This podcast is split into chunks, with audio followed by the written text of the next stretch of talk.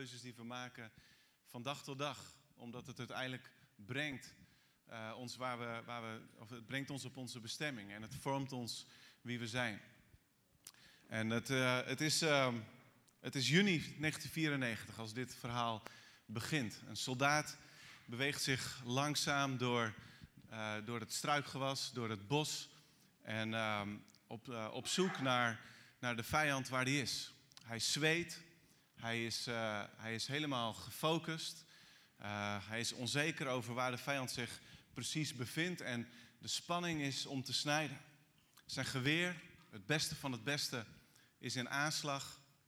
En, uh, en de vinger die ligt voortdurend aan de trekker. De laatste anderhalf uur is een kwestie geweest van optrekken en terugtrekken. Van een klein beetje winnen en dan weer terug moeten gaan. En het is eigenlijk zenuwslopend, dit gevecht. Wat helpt is dat het terrein heel erg bekend is voor hem. En hij weet ook dat zijn vrienden, net zoals hij, gaan voor de overwinning. Maar wat niet helpt, het strijdtoneel bevindt zich aan de rand van een dorp. Daar wonen mensen met tuinen en dat mag allemaal niet beschadigd worden. Zijn legereenheid die heeft een gezamenlijk doel, maar heeft geen idee waar zijn medesoldaten zich bevinden. En uh, zodra er wordt gevochten, lijkt het alsof iedereen het plan en de strategie vergeet. En het is uh, op een gegeven moment nog maar één plan, allen voor zich aanvallen. En dan opeens barst er geweervuur los. Eerst van veraf, een beetje links voor, dat komt dichterbij. Hij hoort van achteren hoort hij ook geweervuur opkomen. En binnen de kortste keren ontbrandt de strijd volledig. Er wordt van alle kanten wordt er geschoten, mensen gillen en schreeuwen. En hij ziet een van zijn medesoldaten gewond eerst zich even oprichten, dan neervallen en die moet zich terugtrekken. En er gebeurt van alles. Een gevoel van dit gaat helemaal verkeerd maakt zich van een meester. En hij besluit om te proberen zo door de beschutting van de struiken heen een omtrekkende beweging te maken om de vijand in de flank of in de rug aan te vallen, om nog een klein beetje de boel te redden. Tien minuten later is de strijd gestreden. Het team heeft verloren. Ze zijn allemaal omgekomen. En uh, dat, is, uh, dat is het allerergste. Maar, maar het pittoreske Stiens staat nog overeind. Op een paar takken van het Stienser bos en een paar stukken huid van de soldaten na is er geen schade. Uh, de soldaat, ikzelf, was tien jaar oud. En het onvermogen om als een echte eenheid op te trekken en te strijden, heeft geen hele ernstige consequenties gehad, behalve een beetje van mijn ego, omdat winnen toch belangrijker was dan meedoen. Maar goed, eenheid. Het woord viel al een paar keer, legereenheid, eenheid. Uh, en dat is een belangrijk woord. In het leger wordt gesproken over eenheden en dat, zijn, dat is eigenlijk een hele ja, dynamische, complexe samenwerking van allerlei elementen. Bevoorrading, plannen, orders, commando's, uh, mensen die opgeleid en getraind moeten worden, medici die meegaan. Uh, er, wordt, uh, er wordt fourage geregeld en natuurlijk het allerbelangrijkste, de mannen en vrouwen in het veld. En dat werkt allemaal samen om een eenheid te vormen die de overwinning kan behalen. En zo geldt het ook een beetje voor de kerk. Als er één plek is waar uh, het kenwoord eenheid zou moeten zijn, dan is het de kerk. De kerk is, is de plek waar samenwerking, saamhorigheid en eensgezindheid zichtbaar moeten worden. En het heeft allereerst gewoon te maken met de manier waarop we allemaal deel worden van die gemeente. Paulus die zegt in 1 Corinthians 12, leest u mee, we zijn alle gedoopt in één geest en zijn daardoor één lichaam geworden. We zijn alle van één geest doordrenkt, of we nu Joden of Grieken zijn, of we nu slaven of vrije mensen zijn. Dus de samenbindende factor binnen het lichaam, binnen de gemeente van Jezus, is de Heilige Geest. Omdat alle gelovigen geloven door de Heilige Geest en gedoopt zijn met die Heilige Geest, zijn ze samengebonden tot een eenheid. Alles waar ze voorheen door werden gescheiden, waardoor ze verschilden van elkaar en wat ervoor zorgde dat ze in de meeste gevallen nooit met elkaar zouden optrekken, dat valt allemaal weg. verschillen in nationaliteit, religie, uh, maar ook de sociale status. Het doet er allemaal niet meer toe. Het heeft allemaal hun geldigheid verloren. En begrijp dat goed, dat was en dat is ontzettend revolutionair. De barrières tussen Joden en Grieken, of vaker wordt het woord heidenen gebruikt, iedereen die niet Jood is, die barrières die, die waren reëel. Die waren gigantisch. Neem alleen al het voorbeeld van eten. Een Jood at niet bij een Griek of een heide, omdat er onrein voedsel op tafel stond of het was met onreine handen bereid. Dus samen eten was, was, behoorde niet tot de mogelijkheden. En daarom is het voor Petrus ook schokkend toen hij een visioen kreeg waarin er een laken uit de hemel naar beneden komt en allerlei soorten dieren, rein en onrein, die krioelen daar samen door elkaar. En God zegt tegen hem, je mag ervan eten. Tot drie keer toe. En dan begrijpt Paulus, of Petrus, weet je, dit gaat niet eens alleen maar over eten. Maar God verklaart alle mensen, wie ze ook zijn, wat hun achtergrond ook is, tot rein. En de gemeente ontstaat. Het is niet meer Jood of Heide. Het is niet meer barbaar of skiet. Het is niet meer man of vrouw of wat dan ook, maar slaaf of vrije. Het is één volk.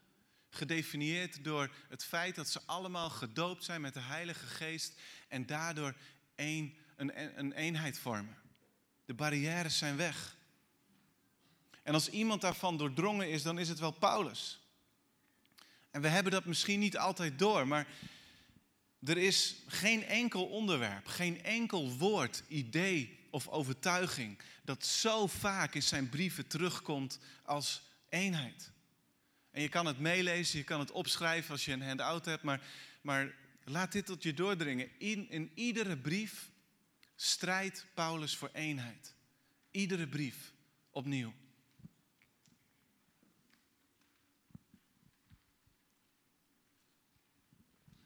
En ik had het mezelf niet zo heel erg beseft tot afgelopen week. En ik uh, veel aan het studeren ben geweest. Maar de essentiële kern van ons geloof, rechtvaardiging door geloof, wordt eigenlijk maar in drie brieven echt uiteengezet. En natuurlijk is het het idee wat in alle brieven ook wel doorklinkt, maar, pas, maar het wordt maar in drie brieven echt uiteengezet. Maar in alle brieven van Paulus, geen enkele uitgezonderd, is eenheid een centraal thema. Paulus werkt er hard voor om die te bereiken. Door wat hij noemt de bediening van verzoening of door de liefde. En of het nu gaat om Joden en heidenen in Galaten, rijk en arm in Korinthe, strijdende partijen in Filippi, verschillende etnische groepen in Colosse, een meester en een slaaf in de brief aan Filemon. Steeds vinden we Paulus die zichzelf in het midden zet en die zegt, maar we moeten dit samen doen. We zijn één. En net als Paulus is het ook voor ons een opdracht om er alles aan te doen één te zijn en in eenheid op te trekken. Dat is niet altijd gemakkelijk. Dat komt ons niet altijd zomaar aanwaaien. En ik ben eerlijk, het is soms een hele strijd. Daarin heb ik zelf steken laten vallen. Daarin heb ik fouten gemaakt en, en die zal ik ook nog steeds blijven maken waarschijnlijk. Het valt niet mee. En het spijt me dat het soms zo'n uitdaging is. Maar eenheid is zo ontzettend belangrijk. Hoe kunnen we de eenheid van de Heilige Geest ervaren? Allereerst, bid om eenheid. Bid om eenheid. Het begint net als alles met gebed. En ik heb het niet nageteld, maar ik denk dat Paulus, ik weet het vrij zeker, iedere brief opent en beëindigt met gebed, dankzegging en voorbeden. En dat alleen al zou te denken moeten geven. Want als we bedenken dat de, de brieven gericht zijn aan gemeenten, en, en ik somde die zo net al een beetje op, Galaten en uh, Korinthe en Kolossen. Weet je, het waren geen perfecte gemeentes. De eenheid was soms ver te zoeken. Maar ook voor die gemeente schrijft Paulus, ik dank God voor jullie. En hij noemt dan op waarvoor het te bedanken is. En City Life Church is niet een perfecte gemeente, maar toch kunnen we allereerst danken. Danken voor wat er goed is. Danken voor de liefde van God. Danken voor de gemeente. Danken voor de genade. Danken voor de positieve ontwikkelingen en de heilige roeping die de gemeente heeft. Er is altijd wat te danken. Een focus op wat er niet goed is, leidt sowieso tot niets. Dus Paulus die dankt altijd. Neem niet weg dat hij soms systematisch uiteenzet en hij noemt het beestje bij de naam wat er niet goed gaat. Waar er inzicht nodig is om te veranderen, te vernieuwen, bij te sturen, te corrigeren. Dat doet hij ook. Maar ook dat begint in gebed. En zo kan Paulus aan de gemeente van Efeze het volgende schrijven. Lezen jullie mee. Daarom buig ik mijn knieën voor de Vader. En dan gaat hij in gebed en dan eindigt dat gebed ongeveer met dit. Dan, dan zult u met alle heiligen de lengte en de breedte, de hoogte en de diepte kunnen begrijpen. Ja, de liefde van Christus kennen, die alle kennis te boven gaat. Opdat u zult volstromen met Gods volkomenheid. En het woord eenheid wordt hier niet genoemd. En toch spreekt Paulus hier weer over eenheid. Samen. Jongens, alleen maar samen kunnen we dit doen. Kunnen we het weten. Getuig tegenover elkaar van wat Jezus in je leven hebt gedaan. Praat erover. Dank Jezus ervoor. En samen met alle heiligen zullen we iets begrijpen van de grootheid van de liefde van God voor ons allemaal. Met als gevolg dat jullie volstromen met de volheid van God. Wauw. Daarvoor gaat Paulus op de knieën. Ten tweede, eenheid bereiken we ook door te denken vanuit eenheid. Denk vanuit eenheid. Eenheid zou aan het begin en aan het eind van onze gedachten en redeneringen moeten zitten. In Galaten 2 gebeurt er iets heel opmerkelijks in de Bijbel. Het is een hele opvallende passage. En de, aan, of de, de aanloop begint al in Galaten 1 natuurlijk. Paulus die schrijft deze brief aan de Galaten omdat hij bang is dat ze aan de ene kant hun geloof verspillen door zich weer aan de wet te houden en een soort van geloof uit werken voor te staan. En aan de andere kant zegt hij, weet je, we zijn vrij, maar je moet die vrijheid ook niet misbruiken. Je moet die vrijheid niet tot het uiterste doorvoeren. En daarin zoekt Paulus een middenweg en heeft hij het over rechtvaardiging door geloof. En dan zet hij uiteen hoe hij zelf op een gegeven moment de gemeente vervolgde, tot geloof kwam, drie jaar eerst in Arabië verbleef, toen naar Jeruzalem ging en daar werd hij geaccepteerd door de leiders, door de gemeente van heel Judea. En die gemeente van Judea, zei hij, die verheugde zichzelf. Die prezen God, die verheugde zich omdat iemand die hen vervolgde en hun het leven nastond, die was tot geloof gekomen. En dan beschrijft hij hoe hij erop uitgaat en na 14 jaar pas weer terugkomt in Jeruzalem. En dan spreekt hij met een aantal apostelen en hij legt hun samen met Titus en Barnabas uit hoe hebben we nou het evangelie verkondigd onder de heidenen, hoe werkt dat nou precies? En dan lees ik toch even in Efeze 2 verder, het staat, of eh, Gelaten 2, het staat niet op de handout of op het scherm. Maar dan zegt hij dit, zelfs Titus die mij vergezelde, werd niet gedwongen zich te laten besnijden. Dat wilden alleen maar een paar schijnbroeders. Die als spionnen waren binnengedrongen om erachter te komen hoe wij onze vrijheid, die we in Christus Jezus hebben, gebruiken. Ze wilden weer slaven van ons maken, van de wet. Maar we zijn geen moment voor hen gezwicht, want de waarheid van het evangelie moest in uw belang overeind blijven. En de belangrijkste broeders, hun positie interesseert me trouwens niet. God slaat geen acht op het aanzien van een mens. Maar die belangrijkste broeders, die hebben mij tot niets verplicht. Integendeel, toen ze inzagen dat mij de verkondiging onder de heiden was toevertrouwd, zoals aan Petrus de verkondiging onder de besnedenen, en ze dus de genade onderkenden die mij geschonken was, toereikte Jacobus, Kefas, dat is Petrus, en Johannes ons de broederhand. We zouden naar de heidenen gaan, zij naar de besnedenen, en onze enige verplichting was dat we zorg zouden dragen voor de armen, en dat hebben we ook altijd gedaan. En dan? En dan gebeurt er dit. Dus vanuit een verhaal van aanvaarding en acceptatie, en Titus hoeft zich niet te besnijden en aan de wet te gaan houden, dan gebeurt er dit. En dat kunnen jullie meelezen. Maar toen Kefas in Antiochië was, heb ik me openlijk tegen hem verzet. Dus je moet je voorstellen, ze zitten met elkaar aan tafel en er is iets gebeurd. Ik lees dat zo. Paulus die staat op en die wijst de grote, belangrijke Petrus terecht. Want zijn gedrag was verwerpelijk. Hij at altijd met de heidenen, maar toen er afgezanten van Jacobus kwamen uit de gemeente in Jeruzalem, trok hij zich terug en at hij apart uit angst voor de voorstanders van de besnijdenis. De andere Joden die deden met hem mee en zelfs Barnabas liet zich meeslepen door hun huigelarij. Toen ik zag dat ze niet de rechte weg naar het ware evangelie bewandelden, zei ik tegen Kefas Petrus in aanwezigheid van iedereen: Jij bent een Jood, maar je leeft als een heide en je houdt je niet aan de Joodse gebruiken. Hoe kun je dan opeens heidenen dwingen als Jood te leven? Nou, er gebeurt ontzettend veel in dit gedeelte. Je kan er minimaal drie preken over schrijven. Maar wat ik vandaag wil benadrukken is dit.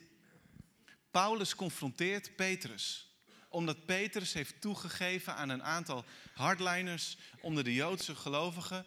En hij heeft zichzelf gescheiden van de tafel van christenen uit de heidenen.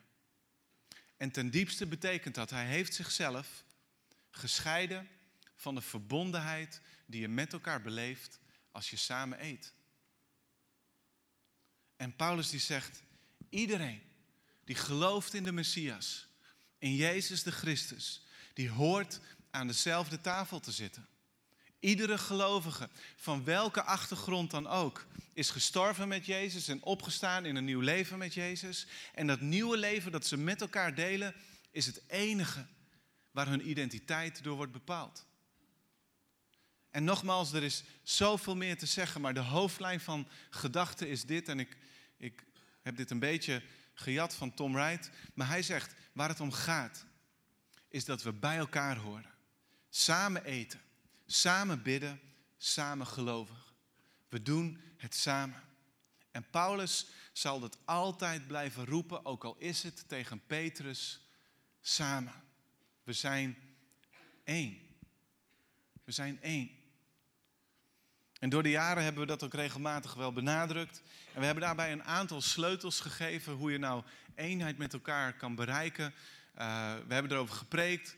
Het is ook onderdeel van Next, de cursus om kennis te maken met onze gemeente. Maar dan zeggen we altijd: eenheid in de hoofdzaken, verscheidenheid in de bijzaken en liefde in alles. En het zijn drie hele handige middelen om eenheid te bewaren. En natuurlijk kan je soms een beetje discussiëren wat is nou een hoofdzaak en wat is een bijzaak. Maar over het algemeen is het vrij duidelijk wat hoofd- en bijzaken zijn. En de bijzaken die benadrukken ook, weet je, eenheid betekent geen eenheidsworst. We zijn soms verschillend, we doen soms verschillend, maar dat mag er zijn. Als we één zijn in de hoofdzaken. En, en als we deze drie sleutels toepassen, dan brengen we als het ware heiligheid het verlangen naar zuiverheid in balans met eenheid. Bid om eenheid. Denk vanuit eenheid. En ten derde, leef voor eenheid. Leef voor eenheid. In Efesiërs 4 schrijft Paulus: Ik die gevangen zit omwille van de Heer, vraag u dan ook dringend de weg te gaan die past bij de roeping die u hebt ontvangen. Wees steeds bescheiden, zachtmoedig, geduldig en verdraag elkaar uit liefde. Span u in om door de samenbindende kracht van de vrede de eenheid te bewaren die de geest u geeft. Eén lichaam en één geest, zoals u één hoop hebt op grond van uw roeping. Eén Heer, één geloof, één doop, één God en Vader van allen, die boven alle door alle en in alle is. En ik denk dat het goed is om dat te beseffen. Eenheid is allereerst iets wat ons wordt gegeven. Paulus zegt we moeten de eenheid bewaren. Niet bewerken, maar bewaren. Die de geest u geeft. We zijn allemaal gedoopt in één geest en daardoor één lichaam, een eenheid geworden. Maar met dat als fundament, dat als gegeven, is er ook de aansporing om je in te spannen. Om je in te spannen. En ik heb uh, sinds ongeveer twee maanden heb ik een racefiets. Ik had in de zomer bedacht en ook wel met Eva besproken. Het is goed om aan mijn gezondheid te werken, ook in lichamelijk opzicht. Uh, en ik geloof ook dat lichamelijke gezondheid impact heeft op, op mijn emotionele en mentale gezondheid. Dus ik moet iets doen. Wat vind ik leuk? Um, ik koop een fiets, een racefiets. Ik wil graag een fiets en uh, Sinterklaas heeft me daar nog een, een, bidon bij gegeven met een bidonhouder. Dus het is nu helemaal compleet. En um, het, is, het is heerlijk. Afgelopen woensdag, drukke dag, lange dag. En ik dacht, weet je, ik ga smiddags, ik ga even fietsen. Ik moet er even uit. En dan moet ik me er altijd toe zetten, daar ben ik eerlijk in. Maar ik ben op de fiets gestapt en ik heb een dik uur gefietst, 28 kilometer. En uh, het was zweten, het was soms een beetje door de verzuring heen bijten. Dan weer een wat rustiger tempo vinden, zodat ik het ook werkelijk vol kon houden. En ja, je fietst weg, maar je moet ook weer naar huis. En niemand die zegt, uh, stap maar in of zo. Dus, uh, en ik had op een gegeven moment het tempo gevonden en ik kwam moe, maar voldaan thuis. En zo is het vaak ook een beetje met eenheid. Het is een inspanning. We moeten er ons soms toe zetten. We moeten soms zelfs een drempel over. Maar het is de moeite waard. En dan is het zweten, het is door de zure appel heen bijten. Het is een ritme met elkaar vinden dat we lang, een leven lang vol kunnen houden. We kunnen er vermoeid van raken omdat we werken aan een gezamenlijke missie die niet altijd gemakkelijk is. Maar het geeft wel voldoening. En als de vrucht zichtbaar wordt, dan geeft het enorm veel vreugde. Als we ons inspannen voor die eenheid. Paulus die beschrijft als het ware vijf traptreden naar die samenbindende kracht van de vrede, namelijk de eenheid. En die vijf treden die, die heb ik op de handout gezet. En je denkt, hm, wat, waarom staat het daar op die manier? Ik heb geprobeerd om met die woorden een beetje een hartje te maken. Dus ja, je moet wat creatief zijn, dat, dat geef ik toe.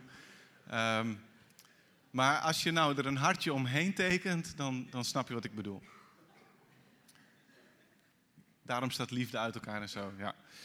Um, maar de eerste trede is die van bescheidenheid. Oftewel nederigheid. Dat betekent even heel simpel en kort: Jezus eerst, de ander op de tweede plek en jezelf als laatste. Dat is nederigheid. En dan is er zachtmoedigheid. Dat is als het ware de uiterlijke houding en daden die zichtbaar worden vanuit die innerlijke houding van nederigheid. Zachtmoedigheid. Zachtmoedigheid haalt de scherpe randjes van ons handelen omdat we oog hebben voor de noden en de gevoelens van de mensen om ons heen. De derde trede is geduld. En geduld is een grote uitdaging omdat te midden van het omgaan met mensen die je misschien niet zou liggen, met lastige omstandigheden, dan heb je geduld nodig om die nederigheid en zachtmoedigheid ook daadwerkelijk in praktijk te brengen. En verdraagzaamheid is de vierde trede. Verdraagzame mensen die rijken altijd uit met vergeving, met begrip, met sympathie. Ze behandelen andere mensen met genade en ze laten de mensen om zich heen groeien in Jezus op hun eigen manier, op hun eigen tempo. Dat zijn verdraagzame mensen. En dan direct gekoppeld aan die verdraagzaamheid is de liefde. Maar je zou het ook een vijfde trede kunnen noemen. Het is de ultieme trede naar eenheid. Liefde die niet de eigen belangen, maar de belangen van de ander voor ogen heeft. Liefde die zich uit in de gedragingen van Colossense 3. En dat kunnen jullie meelezen. Daar staat: bedrieg elkaar niet. Nu u de oude mens en zijn leefwijze afgelegd hebt en de nieuwe mens hebt aangetrokken. Die steeds vernieuwd wordt naar het beeld van zijn schepper en zo tot inzicht komt. Dan is er geen sprake meer van Grieken of Joden, besnedenen of onbesnedenen, barbaren, skieten, slaven of vrije. Maar dan is Christus allen in allen. En ik heb daar een sterretje bij gezet, want dan, dan moet je eigenlijk de volgende tekst bijlezen die precies hetzelfde zegt. Ik, ik lees hem zo. Colossense 3 die gaat verder. Omdat God u heeft uitgekozen, omdat u zijn heilige bent en hij u lief heeft, moet u zich kleden in innig medeleven.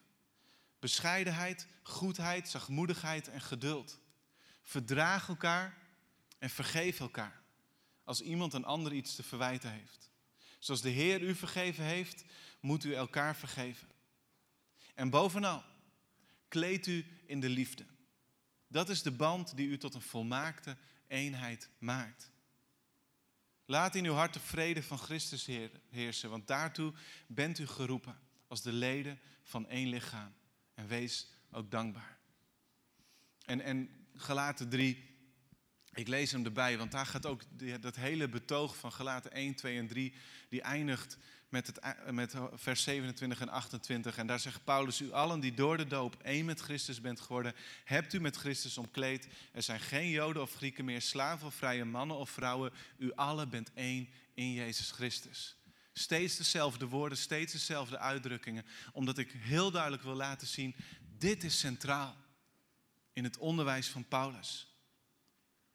En als Paulus ons vandaag de dag een brief zou schrijven of als hij ons vandaag de dag zou bezoeken, dan zou hij denk ik uh, verbaasd zijn en verdrietig zijn. Niet alleen vanwege het feit dat er zoveel verdeeldheid is, maar ook dat we er vaak onverschillig tegenover staan. We hebben er ons al lang bij neergelegd dat er heel veel verschillende kerken zijn. Dat we meestal nauwelijks tot niet samenwerken. En voor Paulus is dat ondenkbaar, onbestaanbaar. Alles wat ons ooit van elkaar vervreemde, zegt hij, alles wat ons gescheiden hield, is weggevallen in de eenheid die we door de Heilige Geest met Jezus hebben. En geen enkele houding of gedrag mag die eenheid in gevaar brengen. En we worden, tenslotte, lees u mee, vult u in, ook geroepen om mee te bouwen vanuit eenheid.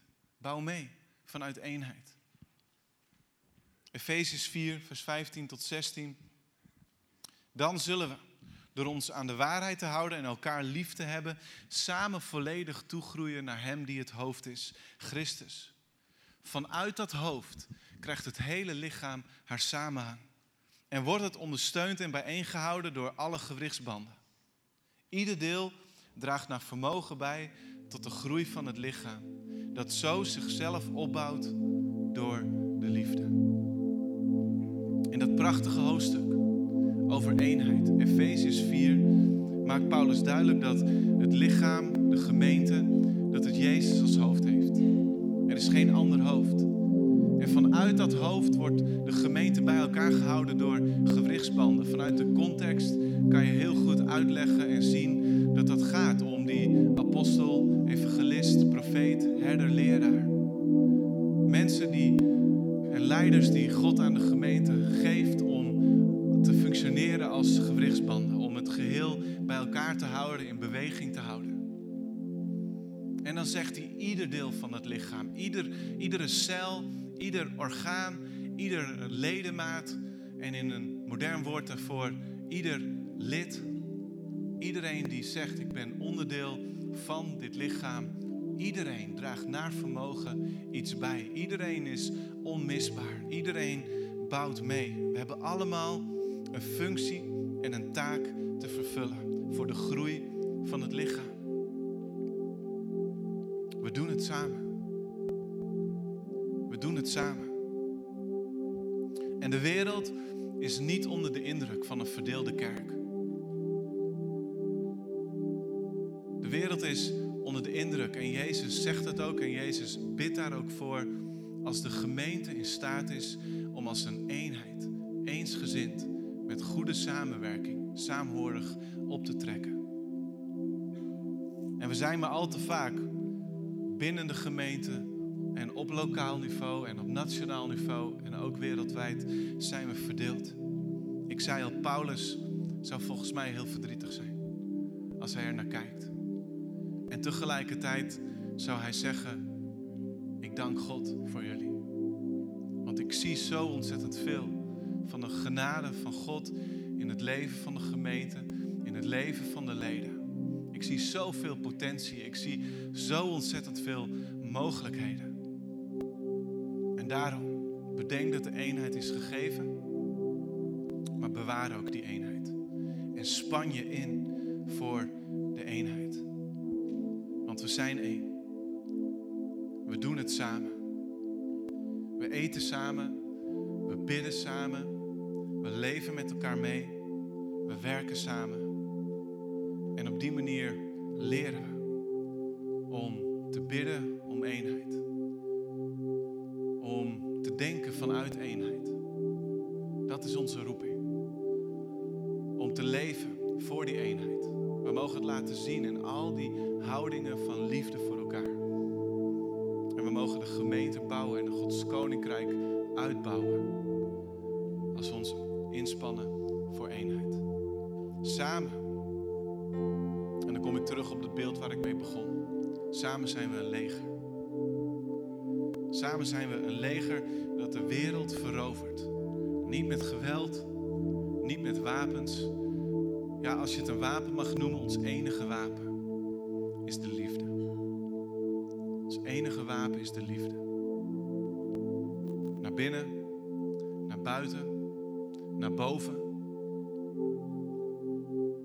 En we zijn een onstopbare kracht. Een niet tegen te houden eenheid. Als we op die manier met elkaar optrekken. Zullen we bidden. Lieve Vader God. Dank u wel voor, voor de brieven van Paulus. Voor uw woord.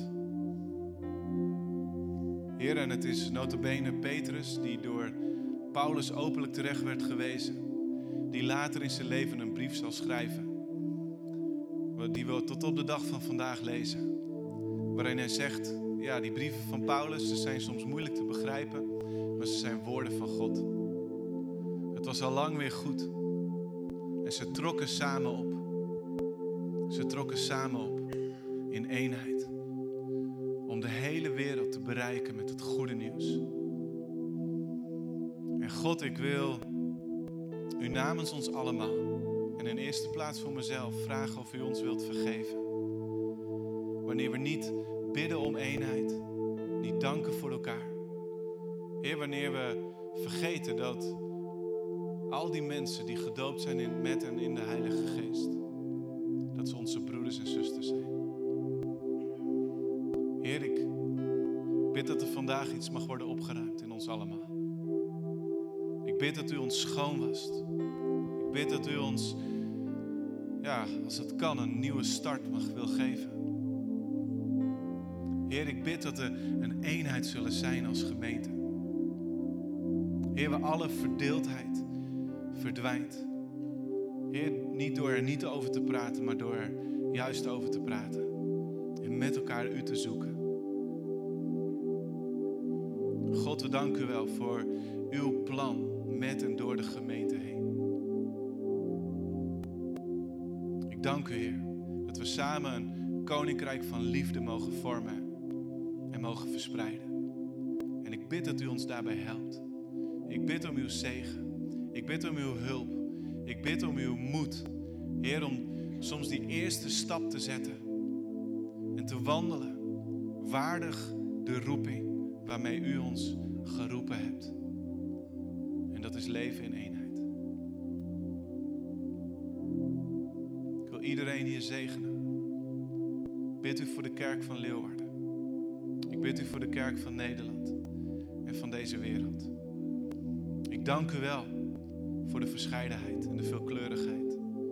Ik dank u wel dat u overal aan het werk bent. Ik dank u wel dat er overal mensen zijn die met u leven en voor u leven. En Heer, al doen ze dat soms net een beetje anders. We houden van ze en bidden ze uw zegen toe vanuit hier.